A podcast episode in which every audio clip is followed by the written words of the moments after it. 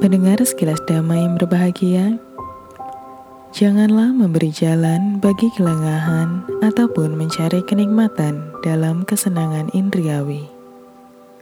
Namun, bermeditasilah dengan tekun untuk meraih kebahagiaan sempurna. Demikian penggalan Majima Nikaya, syair 86. Menetap selama musim hujan.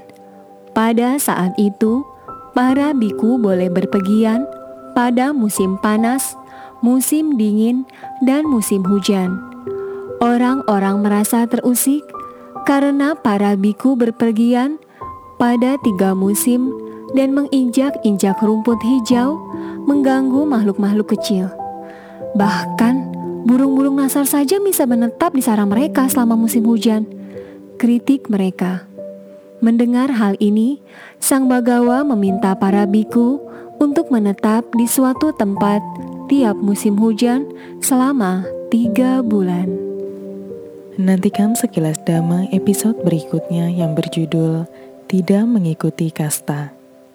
Sekilas dama spesial kisah hidup Sang Tata Gata akan hadir selama 100 hari menyambut Hari Waisak 2562 tahun 2021. Sekilas Dhamma dapat didengarkan melalui Spotify dan channel YouTube Cetia Dhamma Dayada dengan kata kunci Sekilas Dhamma.